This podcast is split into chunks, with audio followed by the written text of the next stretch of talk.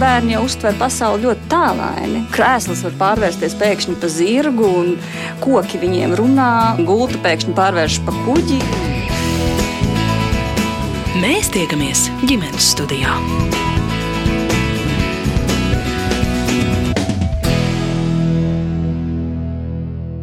Labdien, un esiet sveicināti ģimenes studijā.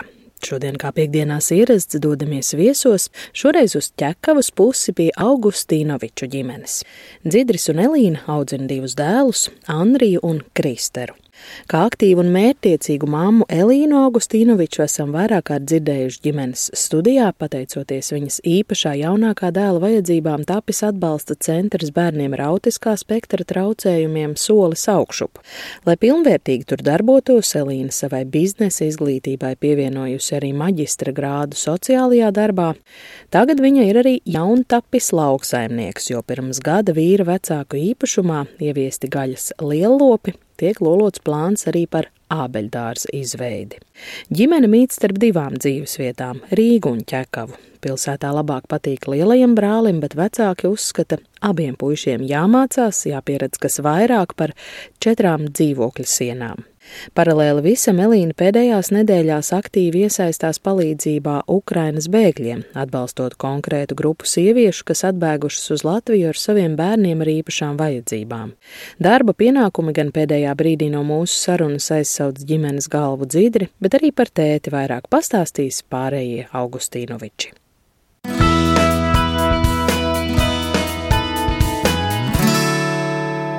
Tad, kad es aicināju jūs uz interviju, tad tu teici, mēs jau ne ar ko neesam īpaši, mēs tikai paši daudz strādājam un uh, liekam mūsu puikām daudz strādāt. Kuros virzienos, kādās jomās jūs katrs daudz strādājat? Ar ko lai sāk? Es esmu sociālais darbinieks, ekstensīvais lauksaimnieks, mamma brīvprātīgais tagad palīgs Ukraiņu krīzes risināšanā. Nu, daudz visādu pienākumu. Sieva ar vēl. Sieva arī jāpievē, jā, jā, un pienākumu ir daudz un darbu. Tas nozīmē, ka, ja tev prasītu par tavu profesiju, tu teiktu sociālais darbinieks. Nu, Šobrīd. Nu, tagad jā, jo es agrāk darbojos kopā ar vīru. Viņa uzņēmumā, mainoties ģimenes situācijai, es mainīju arī tos amatus. Jo, kamēr nebija bērnu, es biju pārdošanas vadītāja. Tad, kad piedzima viens bērns, tad ir laikam bija iepirkumi, tā kā jau abi pārgāja uz mārketingu. Nu, tā, kur var jau vairāk dabūt brīvu laiku. Jā. Jā. Un tad, kad mēs sapratām, ka ar Kristēnam ir tas autiskais spektrs, nu, tad uh, bija jau tik daudz braukšanas pēc tām terapijām, ka to darbu kļūdu palika jau laikam tik daudz, ka es smējos, ja strādātu citā uzņēmumā, es noteikti būtu atlaista, ja nestrādātu strādāt pie sava vīra. Tad es pirmo reizi mūžā izmantoju iespēju būt bezdarbniekos. Kā es vienmēr saku, viss, kas notiek, notiek uz labu. Jo tajā laikā es iepazinos ar tādiem kolosāliem cilvēkiem, tagadējiem maniem kolēģiem, ar ko mēs kopā kā teikt, bez nekāda biznesa plāna, ar nulles antīmu kabatā. Jā, mums bija traki ideja, ka mums jāveido centrs bērniem ar autiskā spektra traucējumiem. Tā es iepazinos ar Kristīnu, un Olga bija kristēra terapeita, un Diānu, kas jau iepriekš bija nevalstiskā sektorā darbojusies, un tā mēs sanācām kopā un sapratām, ka jādara. Nebija telpa, nebija naudas, bija tikai traka ideja un līdzcilvēku atbalsts. Tādā kontekstā es pārkvalificējos par sociālo darbinieku, bet, lai es varētu to darbu darīt, es izstudēju maģistratūrā. Man ir sociālā darbinieka grāts un kvalifikācija lai es to visu jomu varētu pārzināt un virzīt. Jo mūsu ikdienas darbs ir ne tikai sniegt atbalstu tiem vecākiem, bet arī visu laiku sekot līdzi visiem normatīviem aktiem un izmaiņām un Eiropas projektiem un pašiem virzīt šos projektus. Līdz ar to tev ir jābūt nu, tādām ļoti labām zināšanām tajā jomā, nu, lai varētu kā teikt, kvalitatīvi darboties un tiešām kvalitatīvi palīdzēt gan sev, gan citiem vecākiem, kam arī ir bērniņa ar autisko spektru. Un tā tāpa centrs solis augšu. Jā, jā, tā tāpa centrs solis augšu. Piektais jau mums ir četri pilni gadi janvārī palika. Jā, sākām ar trīs kabinetiem, un tagad mums ir jau vesela divstāvā ēka, kur ir nepilnīgi 600 kvadrātmetri, ko mēs ikdienā apsaimniekojam un darbojamies. Un brīvu telpu nav.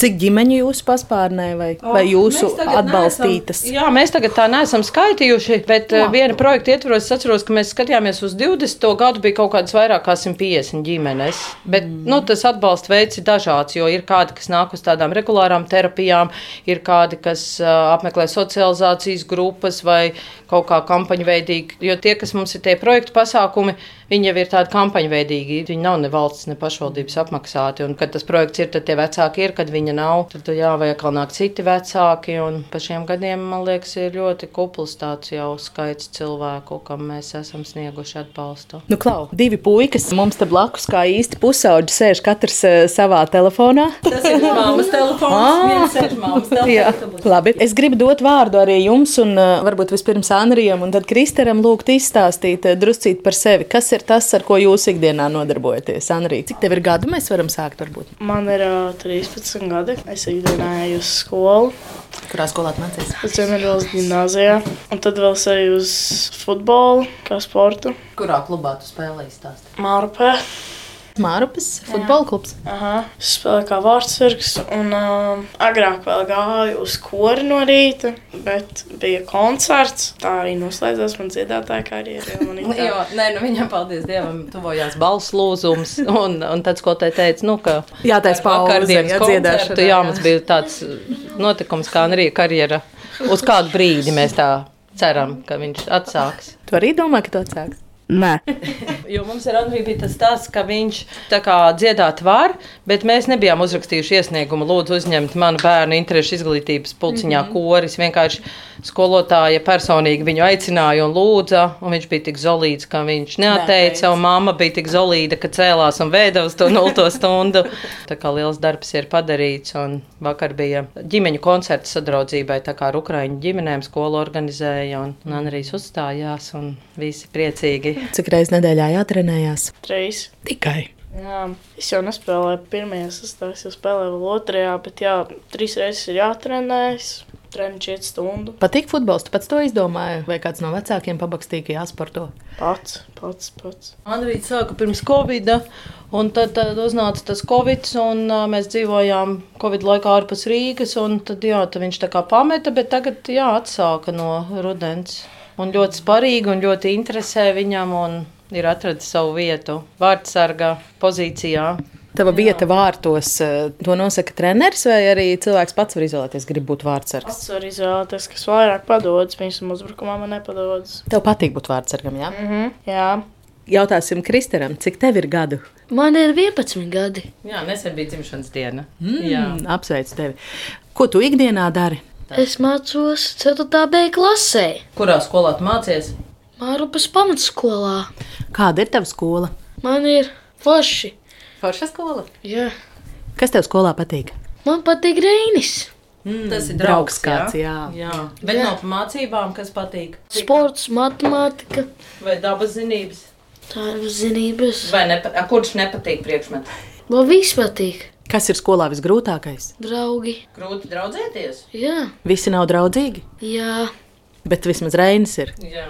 Tas tavs labākais draugs, Jā, Kristē. jā. Tas ir ļoti svarīgi, ka ir kāds labākais draugs skolā, vai ne? Kāda ir skolotāja? Laba. Kā sauc skolotāju? Skolotāja Regīna. Sveiciens sūtam arī Kad... Kristianam vēl ir arī skolotāja palīgs, asistents, jā? Sūta arī ievai sveicienus. Arī forša. Bija forša. Bija vairs nav, jā. Ir, ir forši, viņš ir tā izsakās Jā. neprecīzi. Ko tu dari ārpus skolas pastāsti? Man patīk kaut ko redzēt un skatīt. Ceļot patīk. Kādos braucienos tu jums ir izdevies pabūt? Kur tu esi bijis? Ceļojumos. Itālijā, Igaunijā. Tas ir vēl pirms Covid laikā, vai tagad jums ir izdevies jau aizbraukt? Jā, mēs vēl arī bijām ā, rudenī. Man bija dzimšanas diena, apaļa jubileja. jā, jā, un tad mēs bijām uz Itāliju aizbraukuši. Mm -hmm. Jo mums jau tagad ar to ceļošanu ir tā, kopš mēs esam lauksaimnieki. Mums ir jāpieskaņo tam laikam, kad mums govis nenesās. Kad mēs varam braukt. Jā, jā un Kristers ar mums sporto. Jā? Par sportu Kristers izstāsta. Kur tu ej otrdienās un svētdienās? Es nodarbojos to peldēšanu. Ar peldēšanu. Tu brauc uz baseinu. Tu labi peldi. Es labi peldu. Esi samācījies. Jā, jā, viņš peldēja jau no kāda piecu gadu vecuma. Sāka individuāli ar treneri, un tagad jau, nu, nezinu, kuru trešo vai kuru gadu jau iet grupā vai ceturto. Jā, viņš mums tāds kārtīgs peldētājs. Nu, kas vēl ir tie darbiņi, kas Kristaram ikdienā ir jādara? Kristē, pastāst, ko tev ķekavā liek darīt? Kas tev jānes ir ārā? Kompostu. Kompostu. Mm -hmm. Kristē ir darbiņš nest kompostu un miskastī iznest un šķirot galda piedarumus, un uh, arī cenšamies viņu iesaistīt lauku darbos. Bet nu, viņš tā vairāk kaut ko, cik viņam tā uzmanība nav ļoti nokturīga, kaut ko atnes, aiznes. Viņam patīk ar šķērēm griezt, krūmus apgriezt. Jā. Vai brālim arī kaut kas ir jādara lauku saimniecībā, Anrī? Jā, vāc govju kakas. Cik forši? Kas vēl? nu, jāpalīdz tētim kaut kādi darbi. Ko mēs darījām svētdienas stāstā? Tā jaunajā abeļdārzā. Mēs kaut kādus sīpolus stādījām. Jāstāda arī šis tas, jā. Jā. Mums arī pagājušajā gadā bija dārziņš, un arī izstāst, ko tu stādīji, ko mēs audzējām. Zirņus, gurķus, ķirbjus, tomātus un vēl kādas dilles. Savām vajadzībām, jā? Jā, jo vēl bija ļoti populāri Covid laikā bija tie mājas darbi, mm -hmm. kur vajadzēja visiem bērniem kaut kādus stādiņus. Nu, piemēram, Andrijam bija ļoti labs mājas darbs, kur vajadzēja atrast kaut kādu atkritumu vai tukšu paku vai ko, un tad viņu pārvērst par kaut ko liederīgu. Mm -hmm. Un tad viņš tetrapakā izgrieza, aizgāja uz kompostu, izsijāja zemīti un iestādīja ķirbjus. Baigi labi auga. Jā, jā. Nu, sākumā stādiņus, un tad visi tie stādiņi, jo Kristīnam arī bija jāstāda bija jāskatās, nu, kā iesaistīt sēklas, tad jāskaita, kurā dienā izdīkst. Un, nu, visi šie jāsako līdzi. Tas bija Covid laika dabas zinības. Projekts, un tad jā. mums bija pilnas palodzes, un nekas cits neatlikā to visu likt zemē pēc tam. Un, jā, mums pat bija balkona auga tomāti, mums nu, bija karsta vasara, un nu, mums viss auga griezdamies. Mēs arī šādā dabas zinību projektā netīšām tikām pie 30 gurķu stādiem. jā, jā, jā tas bija nostādīts jā, ar gurķiem. Jā, jo visiem bērniem jā, tas bija jādara, un tad. Jā, tam sauga un tad sastādījām.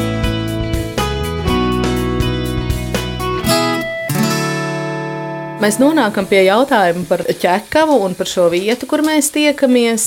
Man varbūt jājautā, vai jūs esat tādi īsti ķekavieši, vai pagaidām vēl nē, vai jūs esat rīznieki, vai jūs esat kaut kādā pārejas procesā starp divām dzīves vietām. Kā ir? Nu jā, mēs esam tādā pārejas procesā, varētu teikt, starp divām dzīves vietām, Šeit dzīvoja vīri vecāki, jo tas ir vīri vecāta īpašums. Un 40, es nezinu, negribu samalot, kurā gadā Vectēvs bija sarakstā uz izsūtīšanu, un viņš bija spiests iet mežā, un, un vecmāma atkal ar bērniem devās bēgļu gaitās uz kurzemi. Un tad šis īpašums bija atņemts, un šeit bija padomju laikā kolhos ar govju fermu, ko mēs nu pat parādīšu, kad iesim ārā, nojaucām pagrabs, un tad, tad dzīvoja daudz ģimenes Un katram bija sausā tolete, un trušu būris, un šķūnīši, šķūnīši, un visi tie apraktie atkritumi. Šausmīgi tā situācija bija. Un tad, kad vīri vecāki atguva to visu, tad viņi te gadiem visu tīrīja, vāca un veda ārā, un visu, kas te bija aprakts un sacelts. Un tad bija tāds jautājums, ko darīt ar to īpašumu. Nu, te ir diezgan daudz zemes, ir apmēram kaut kādi 20 hektāri pļava. Daļu te mans vīrs izmanto tādām savām uzņēmējdarbības vajadzībām, viņam tur ir tāda neliela ražotne. Un tad viņš arī vecās fermas vietā plāno kaut ko būvēt. Jau otro gadu gaida būvatļauju no ķekavas, jo ķekavā, diemžēl, tādi noteikumi, ka te neko nedrīkst. Jā, viss ir ļoti stingri un viss ir jāskaņo. Nu, vienalga, tava zeme, ne tava zeme, vai tu tikko es nopirku vai saimnieko trešajā paudzē. Nu, neviens pretī nenāk. Jā. Tēti darba pienākumu šodien, starp citu, aizsauc no mūsu jā. sarunas. Viņš bija plānojis piedalīties, tad varbūt arī ir jāizstāsta, kas ir tas, ko viņš dara. Tā ir, ka uzņēmēja darbība, ja cilvēks nodarbojās, tad tā ir, ka viņš ir darbā 24, 7. Viņam arī ir vairākas nozares, jā, tirzniecība un nedaudz celtniecība. Un šeit ķekavā viņi ražo tādus akustiskos paneļus, koncertu zālēm, sabiedriskām ēkām, bet nu, pārsvarā eksportā. Tad par šo ķekavas vietu runājot, sākumā mums tāda īsti nebija plāna, bet tajā Covid laikā mēs iesākām te dzīvot, jo nu, likās, ko Rīgā un uz asfalta četrās sienās. Tad mums arī kādu laiku, jo vīram bija tā doma par tām govīm, ka vajadzētu mums gaļas lielopu tieši konkrēti par tām Highlands govīm. Jo mums ķesterciemā, kur mums ir tāds neliels zemes gabals, tāda vasaras mājiņa, mums tur kaimiņam ar tādas, tādas bija. Un, Un mēs jau tā kā gadiem par to domājam, bet tas tāds liels lēmums, jo nu, viss teica ārprāt šausmas, kas jūs galīgi traki palikuši, ko jūs darīsiet, ko jūs lauksiet tās govis, jā, nu kādas govis. Mums jau nav nevienam nekāda lauksaimniecības izglītība. Irsmans ir beidzis mākslas akadēmiju, jā, bet nu aizgājis biznesā un Un es atkal man ir biznesa izglītība un sociālā darbinieka, jā, bet no nu, ar lauksaimniecību nu nekā. Un tad mēs sākām ar, jā, manam vīram bija sapnis par to ābeļdārzu, ka viņš te gribētu, bet problēma ir tāda, ka pierīgā tā zeme nav diezko auglīga un viņa ir jāielabo. Tas nav tik vienkārši, jo tās platības ir lielas un tā. Un un gribas jau arī tā dabai draudzīgi saimniekot. Tāpēc mēs sākām ar to, ka mēs izdomājām iekopt tādu nelielu abeļdārzu, jo mums ir vecais vecātēva stādītais vēl abeļdārzs, bet tie koki jau ir tādi veci un viņi ir tādi, nu jau uz drīz izbēgšanos, un domājam to savu abeļdārzu atvedām četras vai cik lielas mašīnas, ko mēs liekam no kaimiņiem. Jā, maijā laikam pagājušajā gadā, bet jūnijā atvedām savas trīs pirmās govis. nu, nu, ar vīru kopā gājām kursos gan par to abeļu audzēšanu, gan par to lopkopību. Tad es arī izveidoju jau tā tādu savu nelielu saimniecību, lai varētu arī reģistrēt viņu kā bioloģisku, jo tās gotiņas, ko mēs pirkām, viņas jau bija grūsnes, un mēs pirkām viņas no bioloģiskas saimniecības. Šeit Latvijā? Jā, nu, Liepājas pusē Durbē. Jā, mums tur ir ļoti jauka saimniece. Jā. Sveiciens Silvijai, kas ir mans mentors lopkopībā. Silvijai var zvanīt arī naktī, kad teļi dzimst, jā, ko darīt. Ko tagad darīt, Silvija? Parādījās kājas, jā. Jā, mēs jau šogad pirmos divus pieņēmām paši. Jā, un... Pirms gada tas likās viss ļoti nereāli, jo mēs ap šo laiku tieši pirms gada sākām te kaut kādas iekopt ganības, stutēt sētu, likt elektrisko ganu, betonēt laukumu. Un 20. jūnijā mums tās pirmās govis atbrauca. Un cik viņiem tagad ir? Andrijs izstāstīs, cik mums tagad ir. Ir sešas mātes un trīs puļi. Kā viņas uzvedās? Nemīļojas, baidās. Baidās, ja tas mēģināsiet samīļot. Uh -huh. Aizskrēja prom. Jā, jā. Nē, nu ir divi jaunieti. Nu, no tiem trīs buļļiem viens ir nu pat otrdien. Mēs iegādājāmies savu bulli kā vīru mūsu Dāmām, meitenēm, jā, jā. jā, mūsu dāmām. Un janvārī un februārī mums divas jau no tām govīm atnesās, un tad mums ir divi mazie bullīši. Mm. Valentīns un putenis. A, katram ir vārds arī? Jā, vārds, un, protams, un numurs, un tur veselo nodarbošanās. Mm -hmm. Un tas plāns, kāpēc šie gaļas lielopi? Nu, ir mums šī 20 hektāru pļāviņa, un mērķis pieaudzēt pilnu pļāviņu ar viņiem. Nu, mums iznāk visās pusēs ir tie lieli ceļi, un tad mums būs tāda skaista pļaviņa ar lopiem. Jā, pēc uh, Čakavas novada detaļu plānojuma mm -hmm. mums ir jaukta tipa industriāla būve. Mēs drīkstam te būvēt loģistikas parku, benzīna tanku vai kaut kādas tādas visādas noliktavas. Jā. Bet dzīvojamās mājas te būvēt nevar, neko te nevar. Tad jautājums, nu, ko ar to zemi darīt, kā viņu apsaimniekot. Uh, lai kaut ko audzētu, viņi ir pamatīgi jāielabo.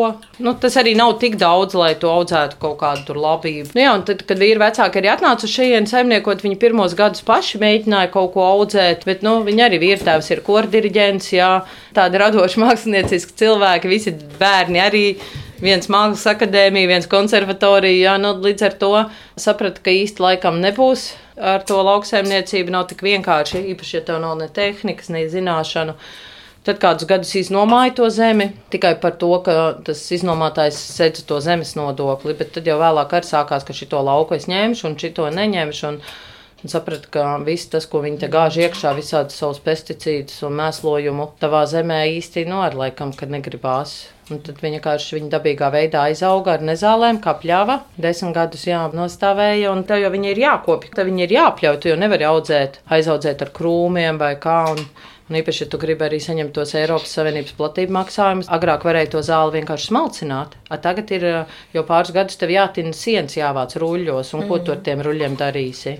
Nu, tas viss tā likumsakarīgi. likumsakarīgi jā, jā, jā, vienīgi, nu, nu, tādu lielu drosmi vajadzēja, bet tagad jau kaut kā aizmirsies. Tagad jau liekas, nu, kas tur tāds ārprāts liels, jā, bet tas mm. pirmais jau bija tāds. Vai tu piekrīti atklāt, eh, kā tu man telefonā sarunā teici, tu domā jau par savu puišu nākotnes nodrošināšanu, šo visu rīkojot un organizējot? Mm. Jā, Kristānam ļoti patīk šeit dzīvot.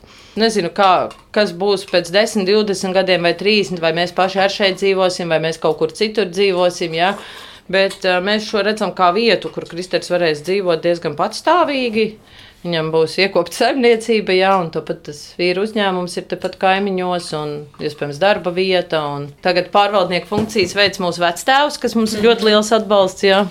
Nu, mums ir savs piebraucamais ceļš, mums ir uh, visas šīs piemājas platības, kas ir jāapļauj. Un, uh, nu, daudz te ir darba. Tāda ir tā doma, ka, jo Kristēram Rīgā nepatīk dzīvot. Pēc tā Covid viņam arī bija ļoti grūti atgriezties. Tāpēc Mums arī tā nebija tāda problēma, nu, kad likās, ka, nu, kamēr Kovats forši dzīvo laukos, kā laukos, ķekava jau ir kolosālā vietā, viņa jau ir tik tuvu. Mm. Nu, mums ir ļoti ātri, gan Kristēru uz to Mārpas pamatskolu aizvest. Man ir pat tuvāk no šejienes vest nekā no tās mūsu dzīvesvietas Rīgā. Kāpēc puikas mācās katrs savā skolā, starp citu? Kristers mācās, pat cik viņš ir bērns ar īpašām vajadzībām, viņš mācās iekļaujošā skolā.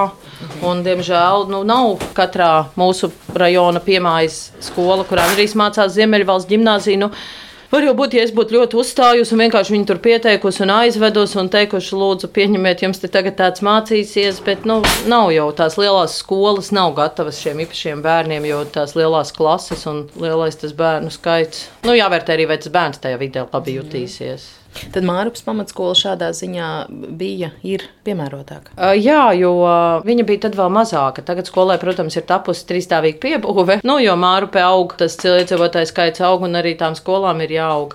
Bet nu, viņiem vismaz ir joprojām noteikumi, ka tajā klasē, kur uzņem kādu īpašo bērniņu, ir mazāks bērnu skaits, tad ir tikai 22, ne 28 vai 30. Kas, nu, kas ar, protams, ir daudz, bet tajās Rīgas centra skolās un visās, kur ir 30 bērnu klasē, nu, tur tas ir faktiski neiespējami.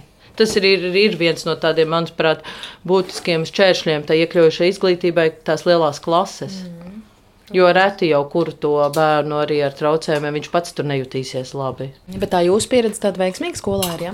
Jā, mums ir diezgan labi. Mēs ļoti sadarbojamies, nu, sākot ar skolas direktoru un vadītāju un speciālo pedagogu, klases audzinātāju. Mums ir lieliski atbalsta komanda. Protams, ir viss kaut kā gājis. Tāpat mums bija kaut kāda pedagoģa krīze, ka pēkšņi visi aizgājis. Jā, bet Tagad ir jauna speciālā pedagoģe un, un asistente jau paspēja pabūt dekrētā un atgriezties. Jau, jā, un... Un ko jūs darījāt, kamēr viņas nebija? Bija tā, ka bija kaut kāda aizvietotāja, bet viņai arī bija, viņa biežāk slimoja. Nu, diemžēl cilvēkam mm. bija veselības problēmas, viņa arī īsti nevarēja. Nu, kaut kādu laiku viņš gāja viens, mm -hmm. tad bija Covid. Bet Covidā, paldies Mārupas novadam, ka speciāliem bērniem, nu, kas mācās pēc speciālām programmām, viņiem notiek klātienē. Jo varbūt, ja es vēl varu būt pedagogs un Anrijam kaut ko palīdzēt, nu, speciālais pedagogs es noteikti. Bet Andrijs diezgan patstāvīgi mācās, jā, nu, pat cik daudz ir jāatbalsta Kristers. Andrijs mums ir diezgan patstāvīgs. Andrija, kā foršāk mācīties? Klātienē vai attālināti? Attālināti. Tiešām, jā? Jā. Kāpēc? Vieglāk pārbaudas darbi ir. Pašpikot, jā. Mm -hmm. nu, jā var spēlīt arī stundu starplaikos paspēlēt, ne? vai par, paralēli tieši saistē uzraugt. Patīk, ka tu nemānies. Nē, no nu, Andrijas, paldies Dievam, jo es jau tad daudz biju arī mājās, un viņš sēdēja vienā galda galā, es otrā, un es ar vienu auci vismaz dzirdēju visu, kas notiek, un sekmes bija labākas, jo viņš nevarēja izcelties ar savu uzvedību.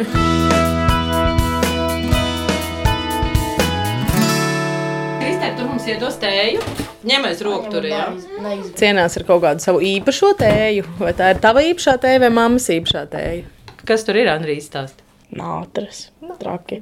Nu, pavasarī, kad tās nātris nāk ārā, tad tur jau ir nu, tāds īsts dzelzs savots. Tas nātris ļoti daudz, un ņemot vērā, ka man, man zemniecība bija pārējais periodā uz bioloģisko, var teikt, ka varbūt jāsertificē nākošais gads arī nātris bioloģiskās. Jā, man likās, ka no nātrēm var taisīt tikai tās zupas un aplaucēt un salātus kaut kāds taisīt. Es nekad neesmu dzērus nātri. No, nu, tad. Varēsim nogaršot. Pat cik mums ir tie ekstensīvie lopi? Kas no, ir ekstensīvi? Nu, nu, ir intensīva lauksaimniecība un ekstensīva. Kā saka, divi zemnieki. Ja? Mm -hmm. nu, kad tu drīkst, tikai es saku, drīkst dzīvē arī kaut ko citu darīt. Jo Andrijs arī vienbrīd pārdzīvoja, viņš teica, vajag labāk slaucamu govi. Es viņam teicu, labi. Viņš uzprasīja savam, kā, kā sauc to palīgu? Sīrija. Nu, viņš prasīja Sīriju. Sīrijam, cik bieži ir jāslauc govs? No nu, angliski viņš to jā. jā. Un Sīrijas teica, nu, kā divas vai trīs reizes dienā. Viņš tā kā nesaprot, kāpēc vajag tik daudz strādāt, kāpēc vajag vēl saimniecību un visus tos lauka darbus un tās, nu, priekš kām. Sliņķis. Nu, nē. Man nepatīk strādāt. Tā ir, ka tie darbi, protams, tur darbs dzen darbu. Pa nedēļas vidu mēs ar Andriju Rīgā arī paliekam bieži, jo viņam skola ir. Bija tāds periods, nu, gan reiz gadu gadu vai vairāk, ka Kristers nespēja vispār ienākt Rīgas dzīvoklī. Jo... Viņš ienāca un sāk raudāt. Viņam sākās trauksme, jā, un Covid laikā jau mēs reti tur braucām. Viņš teica, nu, es pagaidīšu mašīnā. Es domāju, nu, labi, es uzskrienu kādas mantas, paņemu. Tad reiz braucām uz Rīgu. Viņš saka, es pagaidīšu pie tēta darbā. Es domāju, nu, vēl izcili, jā, man izsmert kaut kādas savas lietas apdaru, jā. Un tad mēs saprām to, ka tas ir vērsts uz to, ka viņš nespēja tur ieiet. Viņam sākās tāds pilnīgi drebulis un trauksme. Tad zvanījām vecākām, vecāks brauc pakaļ ved uz ķekavu. Tad mēs tā uz maiņām mainamies. Nu, brīvdienās mēs visi šeit, un šitajās brīvdienās mēs brauksim ar Andriju uz Rīgu, jo Andrijam ir turnīrs futbolā. Tad mēs tā dzīvojam pa divām dzīves vietām. Tāpēc ir tā, ka es šodien atbraucu un šodien atradu veļas mašīnā drēbes neizskanēt. Tāpat kā mans saulespuķis sēklas, kas jau sāk dīgt jābļodā. Ой, у лузі червона калина похилилася. Чогось наша славна Україна зажурилася, а ми. Mēs tiekamies ģimenes studijā. Šodien ģimenes studijā tiekamies ar Elīnu, Andriju un Kristeru Augustīnovičiem. Nu pat izskanējušo dziesmu Elīna izvēlējās, kā pati saka, savām ukraiņu draudzenēm par godu, bet sarunu mēs turpinām par to, kāds bijis ceļš, kas noiets, lai atbalstītu jaunāko dēlu, kam ir autiskā spektra traucējumi. Elīna jau reizi vien dalījusies ar savu stāstu ģimenes studijā, kad esam veltījuši raidījumus šim tematam un problemātikai, un arī šai sarunā viņa piekrīt to izstāstīt vēlreiz.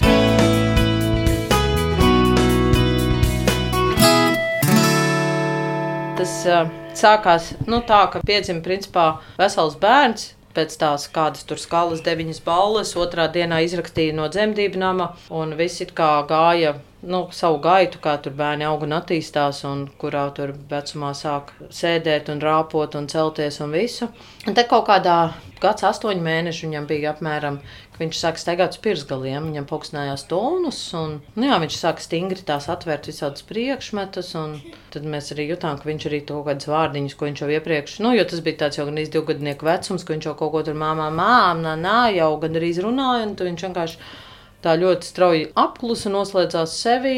Tad mēs viņu tur vedām no doktora pie doktora. Tas bija vēl nu, kurš 13. gads, kad daudzi vēl nevarēja atpazīt to autismu. Tad mums arī apmēram divi gadi pagāja, kamēr mēs sapratām, kas tā ir par diagnozi. Un, jā, un tad mēs sākām intensīvi ar to abaterapiju. Tas arī tas, ko mēs solis augšu tagad darām. Un, un Kristers bija viens no tādiem abu terapijas pionieriem. Bija vēl viena ģimene, pie kā arī brauc tā pati terapeite, jo nu, tur tās izmaksas bija diezgan kosmiskas. Bija jāmaksā viņai gan ceļš, gan uzturēšanās, gan par to katru darba stundu. Tādā ļoti liela samaksa. Un, uh, mēs redzējām vienkārši to rezultātu. Nu, tad arī paralēli tas bija tas periods, kad arī mūsu mētējās meitenes jau sāka attālināti arī caur online apgūt šo abu terapiju. Tad arī ar vien vairāk jau sāka tie bērni arī vai citi terapeiti. Un, sapratu, nu, ka tas ir tāds baigais ceļš. Tā agrīnā intervence. Nu, protams, mēs nesākām ļoti agri. Tagad pie mums ir centrā nāk bērni, kuriem pat nav divgadnieku vecums, ka jau sāka terapiju. Tur, protams, tie rezultāti ir vēl labāki. Mm. Kristaram jau bija četri gadi pilni. Bet tāpat, nu, salīdzinoši priekš tā, ka viņš bija pilnīgi neverbāls bērns. Viņš tā, nu, tā visu Viņš ar mums runājās, viņš iet skolā, viņš peld baseinā un eh, darbojās lauku saimniecībā. Jā, nu, tādiem gariem zobiem. Jā, viņš brauc ar riteni un nu, vairāk vai mazāk tādu pilnvērtīgu dzīvi dzīvo kā tam visam eh, ir eh, pieticis spēka, un tagad pietiek spēka sevi veltīt tik daudzos dažādos virzienos. Lauksaimniecībā ir šis solis augšu atbalsta centrs, visas eh, terapijas darbiņš, kas ikdienā viņam tagad ir jādara. Nu, jā, tas ir tā neatbildami, kur tā enerģija smeļās. Kā man arī šodien viena kolēģi teica, nu, ka enerģija jābūt līdzsvarā. Tas, ko tu atdod, un tas, ko tu saņem, acīm redzot, ir kaut kas kas rada to prieku, gandarījumu, to rezultātu, kad tu redzi. Un, uh, tas arī tas, kas laikam tā kā dzen uz priekšu un dod to enerģiju. Vēl otrs faktors ir tā, ka man arī mans tētis bija ļoti enerģisks. Un, Gan pa sporta līniju. Viņš arī ļoti daudz savā dzīvē spēja izdarīt. Ko viņš sporto? Ko viņš, viņš bija um, hokeja līniju. Jā, Andris Siliņš, tāds hokeja treneris. Jā, viņš bija Artūra Mirbem treneris un arī uzbūvēja hokeja kopmītnes un hokeja halli un izveidoja spēcklases un principā visu to latvisko ienestēja hokejā. Un, cīnījās par to, lai bērniem, kuriem nav daudz naudas, lai viņi arī var spēlēt hokeju. Nu, lai tas nav tā, kā tagad tas ir, ka tikai tā, ja vecākiem ir nauda vai iespējas izvadāt uz tiem lediem, tāds bija tas viņa doma. Viņš arī bija ļoti enerģisks un spēja, kā teikt, virzīt visādus lielus projektus. Un, Tad tu novērtē to, ka tu esi jā, to mantojusi, tie ir gēni. Gēni varētu teikt, jā, jā, tas ir, jo tā enerģija. Viena cita man tuva kolēģi pat saka, ka man vajag tagad iziet terapiju tādu apmēram, lai es uh, nereaģētu uz to stimulu, kaut kur iesaistīties, kaut kam palīdzēt, ka man vajag kaut kā strādāt uz to, ko man tas dod, ko es no tā iegūstu, visu tā izsvērt. Ne jau tā, ka tur ore, kur atbrauca Ukraiņi grupa 40 cilvēki, tur bērni ar īpašām vajadzībām, un es uzreiz metos viņus glābt un palīdzēt. Bet tieši tā tagad arī ir noticis. Jā. Tu esi metusies palīgā. Mm. Tad izstāsti, cik ģimenēm, kādas ir šo bērnu īpašās vajadzības un uh, ko ir izdevies paveikt šo dažu nedēļu laikā, kopš viņi ir jau Rīgā. Tas ir tāds vesels stāsts, un, kā es arī saku, nu, viss, kas notiek, kaut kā tas tā viss saslēdzās. Ir tāda biedrība, tavi draugi, kas ir aktīvi Ventspils ielā. Nu, viņi sūta to humāno palīdzību uz Ukrajinu, un apakaļceļā viņi parasti ņem kaut kādas ģimenes bērnus un nogādā cilvēkus Latvijā. Pie viņiem atnāca ēpasts, kurš bija apceļojis visu Rīgu. Sākot ar prezidenta padomnieku un bērnu slimnīcas, ko es atceros, valdi. Nu, tur bija tāds tā aicinājums no Ukrainas, kad ir grupa ar bērniem, kur ir bērni ar īpašām vajadzībām, vai viņus var uzņemt Latvijā kaut ko viņiem palīdzēt un nodrošināt. Nu, jā, un tad tas e-pasts izceļoja visas tās atbildīgās institūcijas. Kur viens otram pārsūtīja, nu, veselības dienas nacionāls teica, nu, ja jau viņus slimnīcā likt nevajag, tad lūdzu labklājības ministrija. Tā norādīja, nu, Tam mēs? Nu, re, kur ir nevalstiskais sektors. Jā, nu, un tā tas episods atnāca to biedrību, tavi draugi. Tad ir viens tur tāds aktīvists, Artūrs Kristlīps. Viņam, mēs ar viņu iepazināmies lopkopības kursos. Viņam arī ir jā, tāds pašs govis. Un viņš, protams, viņš zināja to man stāstu par to autismu. Un tad viņš man zvanīja. Jo tur bija arī bērnu ar autisko spektru. Viņš saka, ko mums darīt, jā, ko mums atbildēt. Mēs varam, nevaram.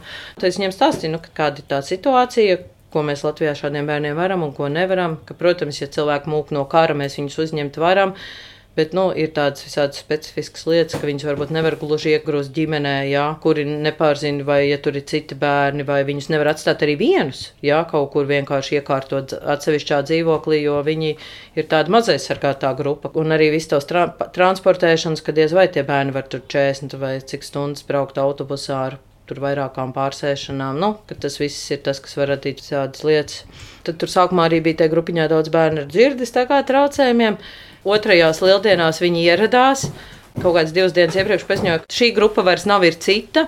Un tad tur bija 40 cilvēki, jā, no kuriem 22 bērni un 18 bija nu, mammas, vecmāmas, kā kuram tas tā pieslēdzos tai lietai. Un arī tur vēl bija biedrība Rīgas pilsētas rūpju bērns, jo viņiem bija tāda vieta, kur izmidināt kādu vienu daļu. Jo sākumā mēs runājam par grupiņu ar 18 cilvēkiem. Tad arī tur vēl labi cilvēki, kas viņiem apmaksāja to lidojumu. Un, Un arī viesnīca pirmās divas nedēļas, un tad mums bija tās divas nedēļas, tiem 40 cilvēkiem jāatrod dzīves vieta. Viņas arī jāprīko tās dzīves vietas, jo liela daļa, ko piedāvāja cilvēki, ir forša vesela māja, bet nu, četras tukšas sienas. Un tie cilvēki jau neatved koferī līdzi, nezinu, ne vieļus, ne palagus, ne gultu, ne skapi, ne traukus. Ne... Viņiem vajadzīgs viss, lai cilvēks varētu dzīvot. Viņi jau atbrauc ar vienu koferu un vienu kārtu apģērbu, kas arī visdrīzāk bija tāds pusziemas vēl, jā. Tā mēs uzņēmāmies un labi viens sagādāt tās visas sadzīviskās lietas, un tad tālāk arī jau palīdzēt noformēt visus šos dokumentus, jo nu, valsts pašvaldības atbalsts viņš ir kā ir, bet tāds viņš nav tāds viegli pieejams, īpaši, ja tu esi ar īpašām, nu, kaut kādām papildus vajadzībām, ja tu nevari tā vienkārši aiziet un aiziet izstāvēt to rindu, ja tev ir līdz bērns ar īpašām vajadzībām. Tās visas lietas paralēli arī kārtojam un jau bažīgi domājam, kas būs pēc tam 90 dienām ar šīm ģimenēm. Jo šos pabalstus jau viņi saņem tikai 90 dienas, un tad tālāk pagaidām plāna īsti tāda nav no valsts puses, ko ar viņiem darīs. Nu, it kā viņiem vērtēs ienākumus, tāpat kā visiem Latvijas iedzīvotājiem, tad viņi var pretendēt uz maznodrošinātā. Šiem īpašiem bērniem bērndārza nav. Tagad mēs to arī visu tā risinām. Nē, to visu var saprast, jo mums arī Latvijā tā ir liela problēma, kad arī tie Latvijas jau esošie bērni, kas ir īpašām vajadzībām, viņi gaida rindās mm. uz bērndārziem. Viņi tāpat ne tikai īpašie bērni, arī parastie bērni gaida uz bērndārziem.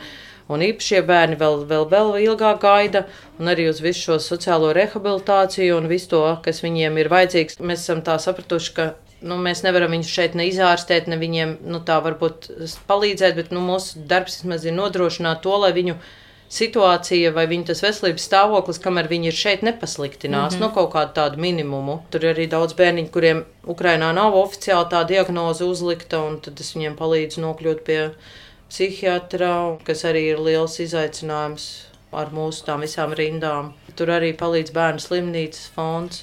Es lieku tos sludinājumus, jo vismaz kaut kādi cilvēki palīdz un atbalsta un pieslēdzās. Un kaut kā jāsāk deleģēt. Jo mēs tie daži cilvēki, kas tur sākotnēji pieslēdzāmies, mēs jau nu, fiziski nespējam vairs. Nu, visi ir paguruši, katram ir arī vēl savi citi darbi. Arī tā biedrība, tavi draugi, viņiem taču tā ir ikdiena vest tos cilvēkus no Ukrainas, un ir arī citi. Bet ir tā cilvēku atsaucība, tad izdevās uh, visu vajadzīgo daudz maz savākt. Jā, jā, jā mēs, es uzskatu, ka ir. Es tagad arī nu pat ieliku to sludinājumu arī par to, ka aicinu atsaukties tādas ģimenes, kas var ar viņiem traudzēties vai kopā kaut kur aiziet, aizvest. Jo Tas prasa ļoti lielu laiku, nu, tā ikdienas arī komunikācija, jo viņi jau cilvēki ne viņi orientējas pilsētā, ne viņi saprot to mūsu kārtību. Pat tāda elementāra lieta, kā šķirot atkritumus. Un tā vienkārši fiziski septiņiem ģimenēm nevar viens pats to visu izstāstīt. Un plus vēl kādas ir iespējas kaut kur aizbraukt un bērniem kaut ko, kaut ko apskatīt. Tāpēc man tur ir tagad vairākas tādas mammas. Ir, Atsaukušās, un pamazām kaut kā mēģināšu viņus iepazīstināt vai savest kopā, lai Nu, lai viņiem ir arī tie sociālie kontakti, lai viņi nav noslēgušies četrās sienās. Kur par šo var interesēties, ja kāds ir ar mieru arī iesaistīties? Zvanīt man, jā, vai rakstīt, jā. jā, pagaidām. Bet mēs arī, mums bija vakar arī tikšanās tur ar Rīgas sociālo dienestu, labklājības departamentu. Mēs mēģināsim kādu mentoru piesaistīt. Varbūt var izmantot izdevību, varbūt ir kāds cilvēks, kas būtu ar mieru. Nu, viņam pat maksātu kaut kādu naudu, es patreiz nevaru pateikt, cik, bet tur ir svarīgi, lai ir tāds cilvēks, kas saprot, kādas ir vajadzības ģimenē, kur ir bērns ar īpašām vajadzībām, ka tur ir īpašas izglītības izglītības vajadzības, īpaši sociālās vajadzības. Ja kāds ir cilvēks, kas var un grib palīdzēt un darīt, viņām visām tāds atbalsts ir vajadzīgs.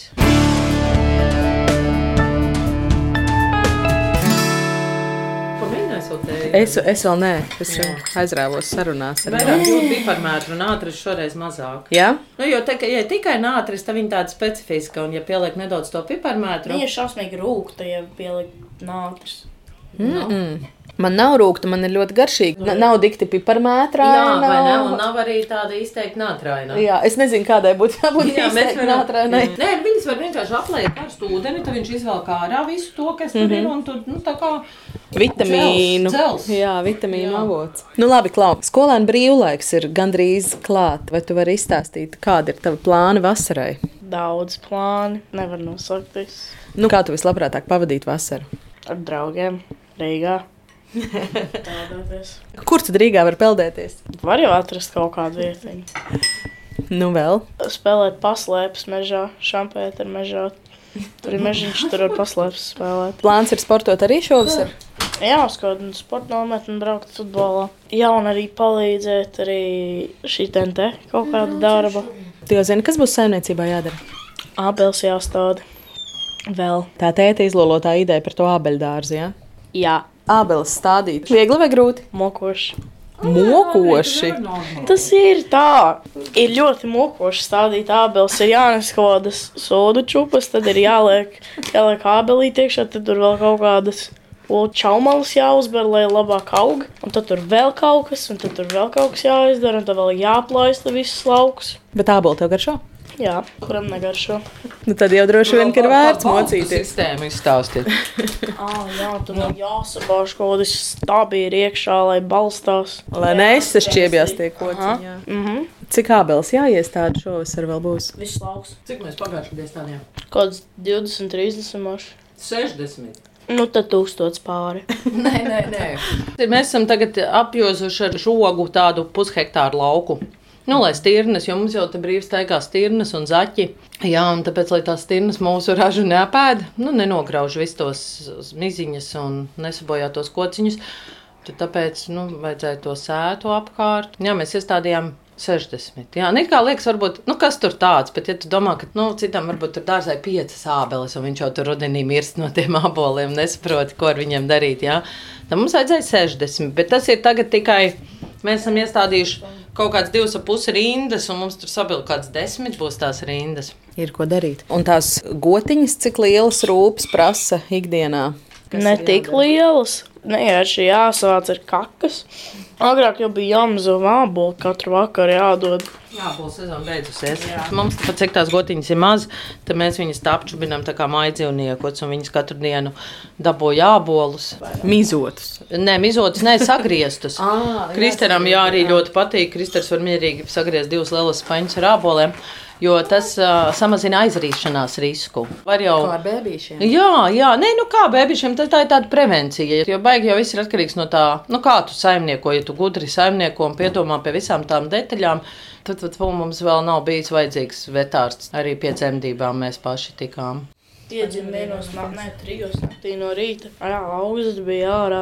Tu arī biji klāt? Jā, man ir piecēla. Pamodināja, lai tu nāc skatīties vai palīdzēt. Palīdzēt sildīt citādāk, viņš būtu nosalis. Ar ko bija jāsilda? Ar kaut kādu tur sagu, ar vairākām sagām. Vienkārši jāsasedz vai Vienkārši jāsadedz un jāsēž blakus, kamēr mamma atnāks. kolosāla pieredze paklāja puikām, ne? Nu jā, tā kā es domāju, nu, ka tas jau. Viss viņus tikai bagātina. un Viens no tiem iemesliem arī bija tāds, ka, ja puikas aug Rīgā dzīvoklī četrās dienās, nu, ko viņi var iemācīties? Nu, ko traukus mazgāt, miskasti iznest, izsūkt grīdu, varbūt vēl, jā. Un, Un tad datorā viss kaut ko daudz un darīt. Mums likās, ka mēs esam slikti vecāki, ka mūsu bērni nestrādā, neko nedara un kaut kā vajag viņus.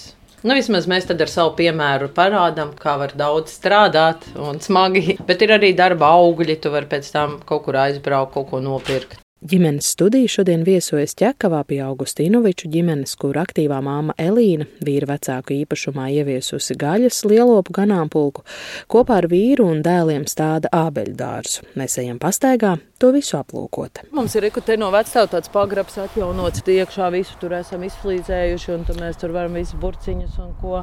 Klausies, pagrabi tagad ir ļoti, ļoti aktuāla lieta katrā privātā mājā. Jā, jā, mēs viņu esam tā redzējuši, nu tā, jo viņš jau bija tāds puts nobrucis, bet iekšā esam visu sakopuši, un tas ir tāds burciņām un sulām. Un tas ir atkal saknēm. Nu, tāds, kur kartupeļi Divi vecās. pagrabi. Jā, mums pat ir vēl trīs. Nu, es saku, jo vecām jau te bija liela saimniecība. Māja nebija ļoti liela, jo viņi atnāca šeit 909. gadā, bet viņi to māju jau laikam nopirka vai kā tur varēja. Mm. Un te viņš uzbūvēja bija milzīga kūts. Kūts ir, klausies, trīsreiz lielāka. Bet tā vienmēr ir bijis. Tāpēc mēs arī nekaunos, kā es saku, jo tagad, ja tu pabraukātu pa kaut kādām lauku saimniecībām, tad redzētu, ka tiem cilvēkiem ir perfekta kūts, traktori, lopi, viņiem māja pilnīgi kaut kāds tur šķūni. Nu tāda, ka nav vispār. Mm. Nu jā, un tad mēs smējamies, mēs no otra gala, jā. Un tad jau, kad bija tas kolhos laiks, tad te sadalīja. Te bija vienai ģimenei, otrai ģimenei. Tajā kolhozā sakņu pagrabs, viņš bija tā kā līdz pusē zemē ierakts. Tur arī vīrs nomainīja jumtu logus, visu iztīrīja.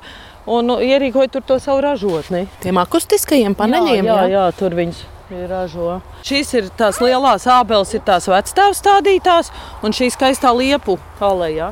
O, jā. Jā, un apakšā ir lāzdas, lai nav tas vējš. Un, nu, viena izgāzās jau, bet nu, tā ir tāda nu, simtgadīga gluži nav. Ja viņi atnāca 909. Nu, bet varbūt, Kādu būt, viņš arī var, arī, varbūt arī simtgadīgi. Varbūt, ka uzreiz kā atnāca. Tāpēc tā ir kaut kā tā cieņa pret to vecstāvu. Jo viņš terē tieši lopkopību, viņš skaitījās liels saimnieks, viņam bija māja, kūts, viņam jau bija savesti būvmateriāli, viņš gribēja jaunu māju jau celt. Viņam jau pirms kara bija Forda mašīna. Jā, jā, viņš tāds skaitījās liels saimnieks, tāpēc arī viņš bija tajā sarakstā uz izsūtīšanu. Un viņš aizgāja mežā. Viņš piecus gadus nodzīvoja mežā. Tad teica, nāciet ārā, nekas nebūs, bet, protams, jau izsūtīja. Un tad viņš, kad atgriezās, nu, iedomājās, kā tas ir, ka tu esi bijis liels saimnieks, ka tev bija viss, un viņam bija jāiet kolhozā strādāt. Un tad viņš kaut kur Bauskas pusē vai vecumniekos tur arī izveidoja baigo ābeļu dārstu pie tā kolhoza un ko, bet nu, viņš bija jau tajā mežā dzīvojot to veselību samocījis. Nu, jo tas izdomājis, kāds ir mežā. Nē, un tad mums ir kukaiņu māja, ko Andrijs taisīja ar tēti un vectēvu. Pie abeļdārza svarīgi, lai dzīvo kukaiņi. Tāpēc mēs šogad arī sataisījām putnu būrīšus. Cik Andrija jūs uztaisījāt būrīšus? Jā, piecus būrīšus. Nu, jo svarīgi, ja es saku, ir tā saimniekot, nu, ka tev ir tāda pašpietiekama saimniecība. Mūsu komposta čupa jaunā. Jā, ka tev pašam ir savi kūtsmēsli, savs mēslojums. Tā skaitās Prātīgi. prātīgs. Jā, jā. Nu, kaut kāds ir tur specifisks. Pastieties uz sunīti. Jā, jā, jā, tā ir mūsu ikdiena. Viņš kaut kur, kaut kur, kaut kur vārtījās. Mums ir grāvīši daudz. Jā, nu, Bet viņam, paldies Dievam, ir nanospalva pašaptīrošā, jo tad, kad viņš izžūst, tas viss nobirst. Šeit arī ir tās divas ap pusi rindas, 60 ābeles. Un vēl astoņas tādas jāiestāda. Nu, te vēl reķi? Nu, līdz galam. Bet te vēl ir jāielabo, jo diezgan ar visu to, ka mēs te iestrādājam tos kūtsmēslus un kompostu un visu pārējo, ir vēl diezgan smilšains. Jā, un abeles, zini, mēs viņus rudenī, se- septembrī stādījām. Un ā, lielākā daļa redz, ir labi ieaugušas. Tikai kādas divas kaut kad es ka gāju, bija tādas aizdomīgas. Nu, jā, mēs īsti nevarējām saprast, kā viņas arī uz ko vēl uz tur likt uz mūčus vai salmiem. Tad mēs izmēģinājām šo versiju ar to melno plēvi. Nu, to ģeotekstilu. Tur ir ūdens, avenes un te kaut kāds krūmēlis. Jā, un šis mūsu dzemdību nams ar putnu būrīti. Dzemdību nams. Dzemdību nams, jo tāpēc, ka mūsu tās grūsnās govis bija tā paredzēts, ka viņām ziemā jā, jānesās. Un mums likās ārprāts kā. Kaut arī tie Highlandas lopi, viņi ir nu, tādi izturīgi, viņi ir tādi mazprasīgi. Jo šie ir tie lopi, kas var dzīvot visu gadu ārā, viņi visu caur gadu ir ganībās. Mm -hmm. un, uh, viņiem vajag nelielu nojumi, lai viņi var patvērties no vēja. Viņiem vajag sienu, lai viņiem ir ko ēst, mums ir, kur ir čupa. Un tad viņiem ir sāls, ko viņi slaiza, lai viņām ir tie elementi. Mikro. Jā, un viņiem ir redzams, betonēts laukums, viņām visur ir gaisma. Tā, mēs šo taisījām, pagājušā vasarā brauca traktoris. Viņš teica, jāņem, gatavojieties. Es teicu, jā, jāņem. Nu, tur arī ir kamera. Un ir tā, ka es telefonā redzu. Nu, es ieslēdzu, tad, tad kad tuvojās zemdību laiks, tad mēs viņus šeit iesprostojam. Var novērot. Tā arī ir ūdens jā, ar jā. visu siltu elementu, lai nekas zemā neaizsals. Jo par to visu ir jādomā. Viņām ir birste, kur viņas var muguru kasīt. Un... Nu, mēs pa viņām. Klasiskās mūzikas koncerts tikai trūkst. Jā, jā, to mēs arī varētu viņām. Tad mēs šodien nokultivējām pusi lauka, jo mēs gribam uzlabot arī to zāli, lai viņām ir labāk. Te ir skāba arī tā augsne, redz, auga visas tās zirgskābenes. Tagad iesim to līdz pārģērbsimies ar maisiem, atskābināsim. Jo viņas nabadzīgas nesaprot, kāpēc viņu ganības tagad ir uzraktas. Te viņām ir redzams ūdens. Jā, tas ir bijis arī jāiztīra, bet, nu, principā tīrs dzeramais. Tāds pats ūdens, kādu dzer saimnieki. Un ziemā te pieslēdz pie elektrības, tad viņu apsilda, lai viņš neaizsalst. Nu, tagad viņas nabadzīgas ir netīras, tāpēc, ka viņas caur to grāvi, ja to sienu čupu viņas noēda, vairs nebija ko ēst, un grāvis vēl pilns ar ūdeni. Bet tā viņas man ir tādas tīras un smukas un apkoptas. Un tad, Viņas tāpat ir smukas. Tā jau ir liels vēders. Reku mūsu jaunais būlis. Kā viņu sauc? Pres. Viņam tētis bija Sets un māma Britānija. Bretsets. Brecets. Un reku ir mūsu Valentīns ar puteni. Putenis, tāpēc, ka viņš tajā trakajā sniegā, kurā arī stāstīja, kas bija jāsilda.